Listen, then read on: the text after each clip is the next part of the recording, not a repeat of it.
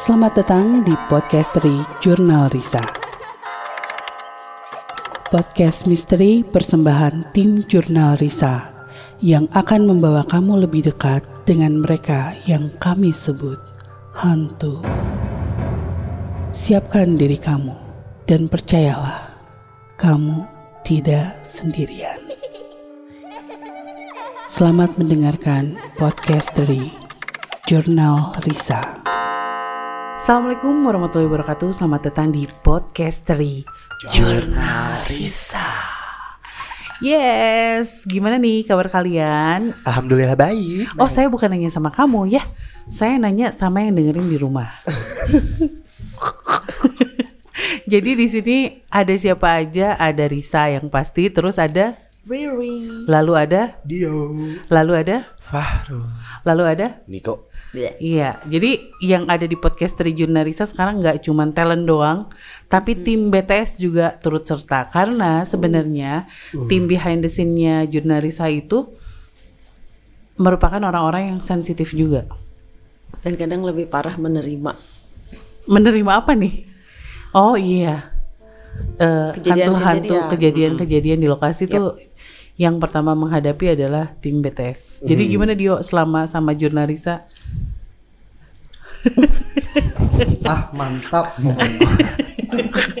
Terima kasih jurnalis. Aduh. Kalau kalau Niko gimana? Ya udahlah, nggak usah ditanya ya kalau itu. Oke, jadi hari ini tuh ada Riri, Risa, Niko, Fahrul dan Dio. Kalau misalkan kalian eh, belum pernah melihat Dio, itu bisa dilihat di mana Dio? Di Instagram Dio Reski. Oke. Hashtag kode suci. Eh, jangan ketawa-tawa mulu. Malam ini kita bakal ngobrolin hal yang lumayan serius. Aduh. Ini adalah obrolan tentang pertanda kematian. Oh. mungkin mungkin kita kita begitu dengar pertanda kematian udah wah gua nggak tahu nih pertanda kematian gua apaan ya atau apa nggak maksudnya gini eh, sering terjadi di dalam hidup manusia ketika ada seseorang yang telah meninggal entah keluarganya entah teman-temannya entah saudara-saudaranya yang baru menyadari bahwa oh iya beberapa hari yang lalu dia ngasih pertanda. Entah itu pamit, titip pesan, atau mungkin tiba-tiba masuk ke dalam mimpi, atau mungkin tiba-tiba ada gelagat-gelagat yang kayaknya kok nggak lazim gitu dari dia yang normal. Nah kalau kalian sendiri pernah nggak ada cerita-cerita soal itu gitu entah dari temen atau siapa kalian? Pernah banget teh. Mm-mm. Gimana Faro? Jadi kan Fahrul teh punya temen or- eh, punya teman ter- eh, terus si orang tua itu teh cerita ke Fahrul. Jadi sebelum si bapaknya meninggal itu tuh si bapaknya teh sosok sweetan sama istrinya. So sweet. So sweet gitu, Oke. sosok sweetan. Oke. Baik. so sweet gitu padahal sebelumnya teh enggak terus eh, mamahnya teman Farul teh bilang atuh pak malu gitu kan Hmm. ada anak cucu diliatin atuh mah yang dilahun wes sekali weh cenah. Dilahun tuh bahasa Indonesia. dipangku Oh, gitu, aduh. pengen dipangku. pengen dipangku begitu ya cek cenah. pengen dipangku terus kata si mamah teh bilang gini atuh ah meni era cenah sambil soalnya teh si mamanya teh lagi sapu-sapu Mhm. Terus teh sebelum meninggalnya teh dia teh minta maaf sekantornya terus ngasih-ngasih eh, kayak utang "Ah, Abi boga aku punya hutang nggak aku punya hutang nggak jadi sebelum Tapi itu dalam keadaan nggak sakit. nggak sakit sama sekali jadi Oke oke oke. terus tiba-tiba meninggal aja tiba-tiba langsung meninggal gitu Oke. jadi si mamah eh, mamah teman Faro teh kayak nggak percaya gitu teh kayak Hmm. ah maknya sih ah maknya sih karena teh tiba-tiba meninggal mun cenah mun tahu meninggal mah meureun pas di disuruh di dipangku tuh mau cenah Oh gitu. iya. Itu yang biasanya jadi penyesalan kan Iya. gitu ketika oh ternyata dia eh, beda gelagatnya karena mau meninggal ternyata Iya. kayak gitu kan. Iya. Terus ada cerita lagi nggak? Riri gimana? Am, di balik eh, di, apa ya maksudnya yang aku tahu kalau misalkan kita mimpi gigi tanggal itu pertanda ada yang keluarga kita yang Oke. meninggal. Oke kayak itu gitu. pertanda ya. Mm-mm. Dan kamu pernah mengalami itu? Enggak, tapi aku pernah mimpi gigi tanggal dan parnonya setengah mati. Oh gitu. Iya, Oke, oke. alhamdulillahnya sih waktu itu nggak kejadian. Mhm. Dan kalau misalnya pertanda meninggal sih, aku pernah dengar dari almarhum Binui. Mhm. Dia pernah suatu kali waktu aku SMA, tiba-tiba parfumnya jatuh pecah. Oke. Astagfirullah, cina. Terus aku kayak, ya udah Binui kan parfumnya bisa beli lagi, nggak usah se- sedih itu. Enggak dek, Binui pakai bahasa Sunda lemes ya. Cuman bahasa Indonesia, enggak dek. Ini tuh sering banget Binui kayak gini. Kalau misalkan ada parfum pecah, suka ada yang meninggal kayak gitu. Oke. Dan kejadian beberapa hari setelah itu, Temannya gitu. iya, Baiklah. merinding. Kalau dia ada nggak pengalaman? Pengalaman kebetulan nih keluarga dia kan habis ada yang Meninggal. meninggal kan Iya. waktu itu. Jadi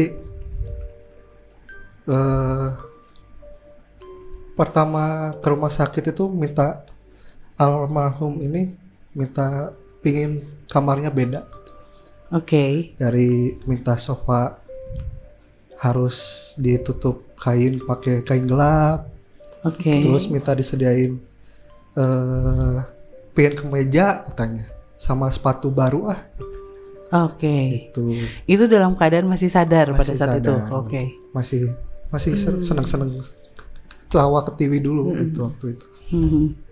terus udah nggak lama itu selang sebulan ya kalau.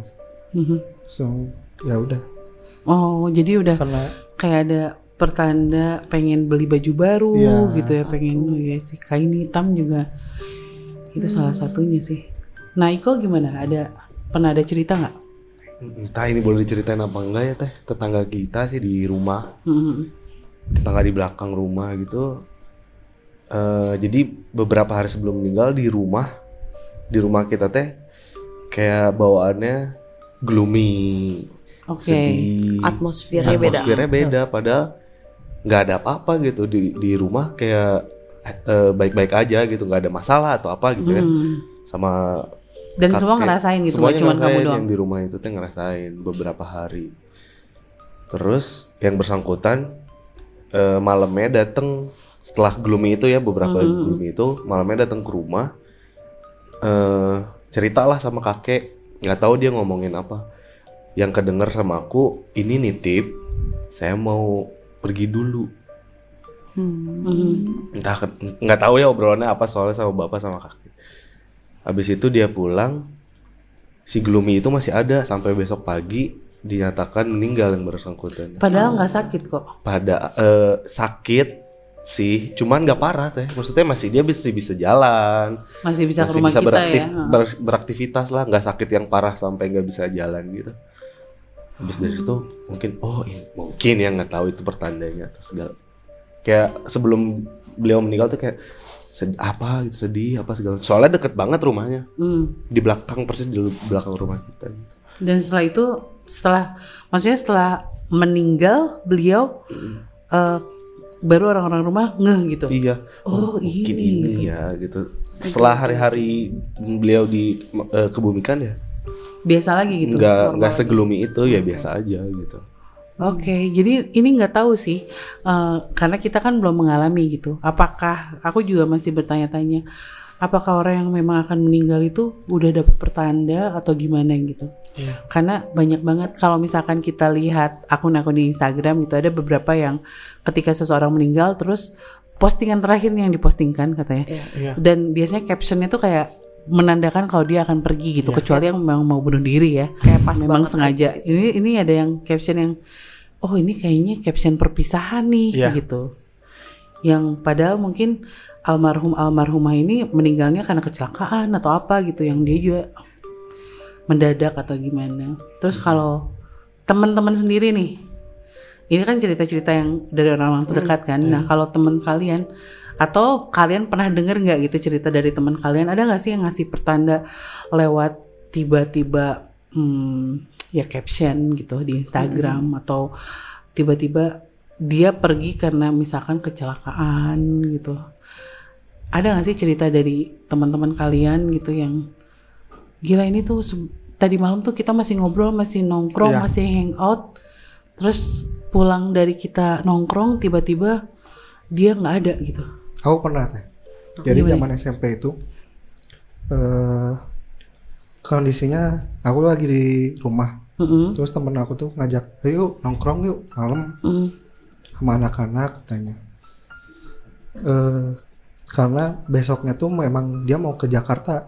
Mm. Terus sudah nggak lama, eh nggak bisa eh kayak lagi malas aja gitu. Tapi pingin sebenarnya. Mm-mm. Tapi ya udahlah. Maaf bisa nggak bisa kata aku teh. Terus sudah nggak lama, ya udah mah. Sok tuh mau oleh-oleh apa katanya. Dari Jakarta Ya, kata dia, oke. di Jakarta nggak usah lah Hmm, ya udah tuh nggak apa-apa ya cina. Eh, tapi next ikut ya cina. Oke. Ini Empat. cewek cowok? ini cowok cowok Cowok. oke. ya terus selang 8 jam mah itu aku dikabarin kalau dia kecelakaan Oh pulang Itu dari OTW Jakarta. enggak pulang dari eh, nongkrong. itu. Oh berarti belum sampai ke Jakarta. belum sempat. Itu. Lah udah itu. Itu kayak pasti kan langsung shock ya. shock. Menyesal gitu. Kenapa sih nggak nggak ikut? Atau mungkin ya salah satu pertanda juga buat kamu ya supaya nggak ikut kan. ya karena biasanya kalau ikut nongkrong tuh bareng gitu satu kendaraan sama dia gitu Iya, iya. Iya, jadi kayak diselamatin badannya si Adiona. Heeh. Ya belum waktunya. Yang lain ada pengalaman gitu. Enggak sih Yang aku tiba-tiba teman. sendiri gitu. Hmm, aku apa ya gimana ya tak kenal sama orangnya nggak usah sebut nama lah ya Iya. waktu SMA juga Hmm. beda SMA sama aku dicomblangin Mhm. sama saudara kita Oke. Udah gitu ketemulah. Ketemu kita nggak kenalan juga cuman sapa-sapaan. Jadi kayak Ri lihat dulu dari jauh aja kamu tertarik nggak? Karena kan ya mungkin physically dulu lah gitu Oh, ya kamu dicomblangin. Mm-mm, Hahaha. ya udah. Ih lucu kata aku tuh. Mau dong kenalin ya udah nanti next time kita ketemuan sama dia ya kata gitu. Hmm. oke. Tahunya dua hari kemudian meninggal kenapa? Kecelakaan. Aduh. jadi ngerti gak ketika kita udah mendambakan bentar lagi gue ketemu nih tahunya meninggal. Jadi belum sempat kenalan aku malah datang ke rumahnya untuk ngelayat ngerti gak Oh. gitu masih pakai baju SMA ditemenin temen aku juga sama saudara aku. Ya udah aku kenalan melihat jasadnya. Udah selang beberapa lama sebulan mungkin datang nih ke mimpi Mhm. tapi pelan kenalan juga belum gitu kan Iya iya. aduh kayaknya aku harus ke makamnya nih Oke. aku ajak temen aku ke makamnya aku berdoa ada nangis Ah ya ampun. Hmm. Ih, ngerikan. terus ya udah kenalan gitu ya mungkin emang belum gitu kan nggak nggak nggak dikasih kesempatan tapi ya udah aku kenalan terus ya udah aku nggak ke sana lagi sih Aduh, ya ampun. Jadi gloomy gini kita ya. Sorry, guys. Obrolannya. Enggak. Oke, oke kita lepas dulu dari kesedihan. Eh, ini cerita yang dialami sama aku dan kamu Ri. Cuman waktu itu kamu masih kecil. Jadi dulu tuh Riri diasuh oleh seseorang. Itu waktu kita tinggal di luar kota, diasuh oleh seorang perempuan bernama Mimi. aku Oke, nggak kamu nggak inget kan? Karena waktu itu Riri kayak baru belajar jalan gitu, lari-lari. Dan aku inget banget karena aku waktu itu kelas 3 SD. Jadi aku tahu. Jadi eh, Riri tuh ada pengasuh sendiri namanya si Teh Mimi. Dia tuh baik sih, pendiam banget orangnya. Cuman kayaknya kerja di rumah tuh kayak cuman dua minggu doang. Eh, baik, terus kamu juga gampang akrab sama dia gitu. Sementara kan Riri lumayan picky dari kecil, agak susah gitu buat deket sama yang ngasuh dan sama Mimi ini langsung deket. Rambutnya tuh panjang, sebahu, eh enggak enggak sepinggang, Ping- wow sepinggang terus di diuntun gitu rambutnya, Wow. diuntun, orangnya kurus banget, terus hitam dan eh, pendiam terus pendek gitu. Terus yang senyum senyum gitu. Nah eh, waktu itu aku masih kecil dan aku banyak nanya sama dia gitu. Eh, pada saat eh, dia ngasuh Riri aku sering ngikutin gitu. Terus teh mimi teh mimi teh mimi teh mimi nanya segala macam termasuk aku pernah lihat dia tuh lagi manasin air. Hmm. di di wajan gitu kan zaman dulu. Di wajan at- atau di panci gitu. Panci. di panci manasin air buat mandi kamu kalau nggak salah. Waktu itu manasin itu kan panas banget ya si wajan. Terus dia tuh langsung angkat pakai tangannya. Oh, terus aku kaget teh mimi kok nggak panas? Gitu. Sementara aku lihat ada pembantu juga ada ART di rumah dia selalu pakai kain atau apalah yang berlapis-lapis karena itu beneran panas. Nah dia tuh ngangkatnya gitu langsung badan pancinya dia angkat langsung dia tumpahin terus hah enggak kok nggak panas kata dia gitu. Hah nggak panas. Ya udah itu yang pertama. Terus yang kedua aku tuh dulu suka banget nyubit kan. Banget banget banget Iya. gitu. Iya sampai biru. ya, Iya. saya korban. Parah, banyak semua orang. dan semua orang pasti aku cubit gitu termasuk si teh mimi. Nggak ada alasan nggak ada marah kesel. Aku cuma lewat dia terus aku cubit keras banget dan dia tidak bereaksi apa-apa. Dan aku lihat itu kulitnya yang bekas aku cubit tuh nempel Ah, lama baliknya. lama. Aku setengah jam lihat dia masih kayak gitu kulitnya. Terus teh mimi sakit jadi aku yang feeling guilty gitu ya. Aduh teh mimi sakit ya tangannya dicubit sama aku. Enggak kok neng katanya. Hah itu nggak apa-apa? Enggak nggak apa-apa. Nah udah. Udah gitu yang terakhir. Aku lihat dia nyuapin Riri. Dia nyuapin dengan pandangan kosong.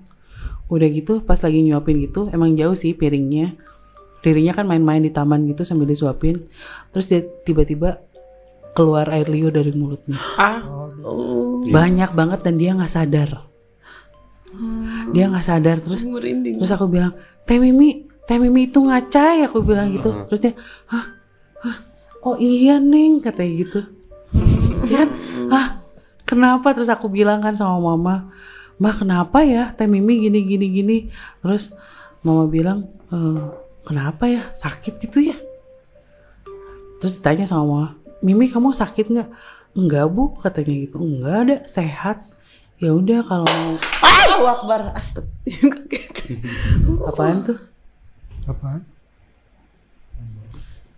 oke. Tahu itu apa jatuh. bisa mengambil terang banget. Itu kenceng banget. Oke oke, skip ya.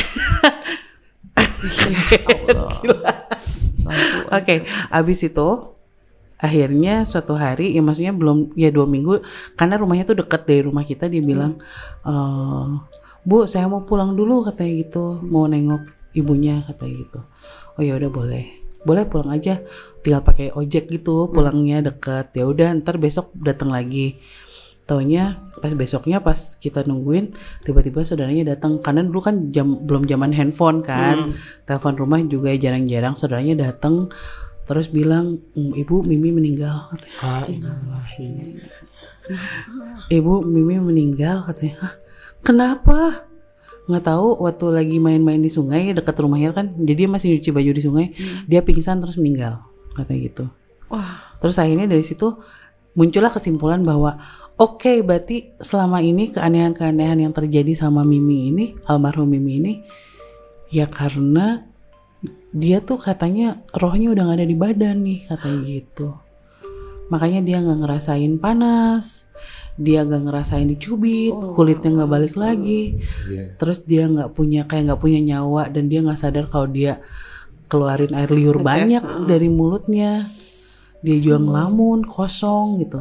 Itu yang itu yang aduh.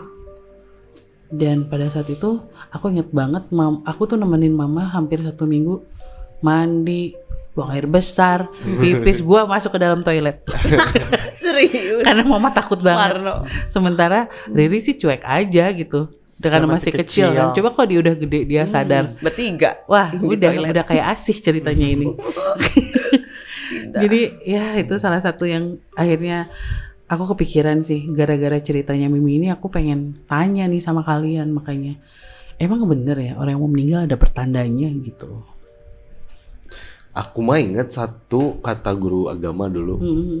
kalau orang yang mau meninggal tuh dia bahkan dia tahu gitu ada pertanda yang dikasih tahu entah dari mana dia tahu tapi tidak mau memberitahu orang lain salah satunya kayak dia ngelihat selalu ngelihat sosok yang nggak pernah dia lihat sebelumnya bahkan bukan orang yang indigo gitu Oke. Wow.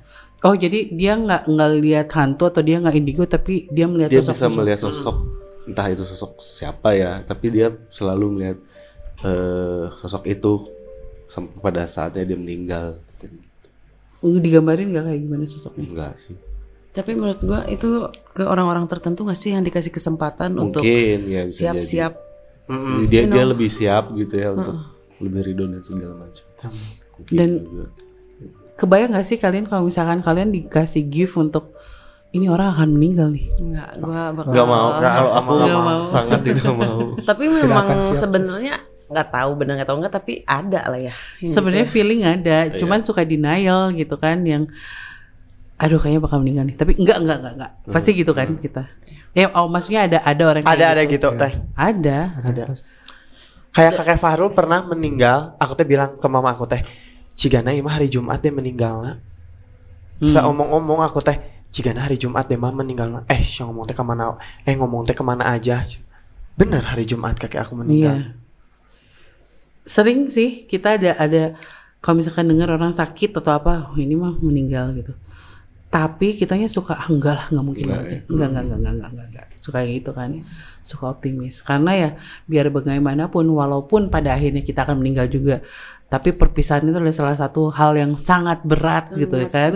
Paling males. Iya kan? Berpisah dengan pacar aja gimana kok? Sedih. Sedih banget. nggak ngerti pertanyaannya nggak ngerti No apalagi harus kehilangan selama-lamanya kan pasti ada gitu beban untuk ke situ ya sama nggak sih sama pertanda bencana gitu-gitu gitu Iya kan Iya. itu juga hal sebenarnya banyak gitu eh, orang yang bertanya ya mungkin sama kalian juga banyak yang nanya apa prediksi kalian di tahun 2021 bakal ada apa yang mana tahu gue mah gak mau tahu gitu sebenarnya walaupun kita adalah orang-orang yang kadang suka diramal Iya. suka banget sama ramalan tapi kita hanya pengen denger yang baik-baik biasanya Bener Untuk banget. memotivasi. Iya. buat memotivasi kalau yang jelek-jelek apalagi soal kematian aduh Enggak deh. Nggak mau. nggak banget. diambil pusing lah itu Nggak mau banget. Oke nanti kalau misalkan ya nih ini pertanyaan terakhir buat kalian aku mau nanya satu-satu seandainya kalian diberi kemampuan untuk mengetahui hari kematian kalian tanggal dan tahun kematian kalian kalian mau kasih pertanda apa atau kata-kata apa untuk orang terdekat atau kalian akan membiarkan? Faro It's a bad joke, please guys. Kalau misalnya aku mati kalau membiarkan mah kayak tega nggak tega kan kalau misalnya teman ke teman deket mah paling eh, perbanyak ibadah kayak gitu. Kalau bukan ini kamu. Diri sen- kamu sendiri. Kamu tahu kalau kamu akan meninggal. Ya aku Heeh, kamu Ya. sendiri. aku mah langsung berbuat baik lah maksudnya teh cari-cari amal baik bener-bener kamu bakal kasih pertanda nggak sama orang-orang pastilah eh aku nggak aku mau nggak mau kebayang teh ih. Iya kan? nggak mau kan ngebayangin pertanyaan macam Nggak- apa ini? nggak mau Oh ngebayangin God. aku ih. Karena kalau udah tahu waktunya kapan, Udah pasti kita terus, udah atuh. Udah stres duluan. Udah stres, hopeless karena manusia tuh harus ada hope untuk Iya, hidup. benar. bener Oke. banget Ngerti nggak? kayak di film apa sih teh yang tahu kematian yang di handphone gini kan Iya, bahwa iya. kita teh ada mati tah yang gitu ih ngapain males Jadi banget itu bakal nggak bener makanya ah. Udah kan. ya apa kayak tiba-tiba lu nulis caption gitu I don't wanna answer that. Ya, Dio, bikin, Dio deh. bikin caption aja. Maaf. Maaf emot kio. kalau Iko Iko meminta maaf ke orang terdekat maksudnya aku mau bikin teka-teki. Ya Eh. Bikin teka-teki pada saat dia dia tahu jawabannya ya ya udah aku meninggal gitu. Atau enggak apa tulisan apa pun itu nah udah kayak gitu terus tiba-tiba di prank. Di prank sama visi atau penglihatan kita tetot Eh, belum jadi. saat Bisa gitu ya. Hmm, enggak lah, amit-amit nonton Enggak mendadak lah. enggak enggak enggak enggak enggak, enggak, enggak. Enggak mau. Semoga kita semua diberi kesehatan, kita nggak mikirin sampai ke sana. Amin. Kalaupun yang terjadi ya terjadilah, tapi jangan sampai kita melihat duluan gitu. Ya. Aku sih bukan orang yang pengen melihat kematian seseorang atau kematian diri sendiri atau apa. Yap. Gak mau tahu gitu soal itu. Please guys, kita tuh dikasih waktu untuk hidup. Tolong dipakai sebaik mungkin, membantu orang lain, berguna untuk dunia. Uhuy. Ini agak deep banget ya obrolan kita hari Iya ini. jadi kepikiran Soalnya- saya aku mah. Soalnya jadi tegang sendiri Emang gitu. jadi kepikiran deg-degan. mati jadinya teh. Tapi kan salah satu ciri orang yang beriman adalah takut akan kematian. Iya. Ya mudah-mudahan kita termasuk orang-orang yang beriman. Golongan. Amin. Agak deep obrolan kita hari ini tapi ya mudah-mudahan ini cuman sekedar obrolan aja. Jangan sampai jadi menyinggung kalian atau kalian jadi berpikir jadi overthinking gitu. Jadi Betul. jadi hal-hal yang nggak enak buat kalian walaupun kita juga agak tegang ini. Tadi lagi ngobrolin sesuatu tiba-tiba ada yang jatuh dan kita belum tahu sampai sekarang apa yang jatuh itu. Ya kalian ngerasain vibesnya ya. Apalagi ngomongin hantu aja kan berdatangan apalagi ngomong kematian hantu juga pada datang kali hari ini Ada sih. Si hulu buntung. jangan gitu dong. Dah, dah, dah, dah, dah, dah, dah, dah. Dia dari tadi di situ terus ya? Aduh. Udah tuh. udah ya. Udah, kalau gitu sampai ketemu lagi di podcast dari Junarisa. Assalamualaikum warahmatullahi wabarakatuh. Bye. Bye.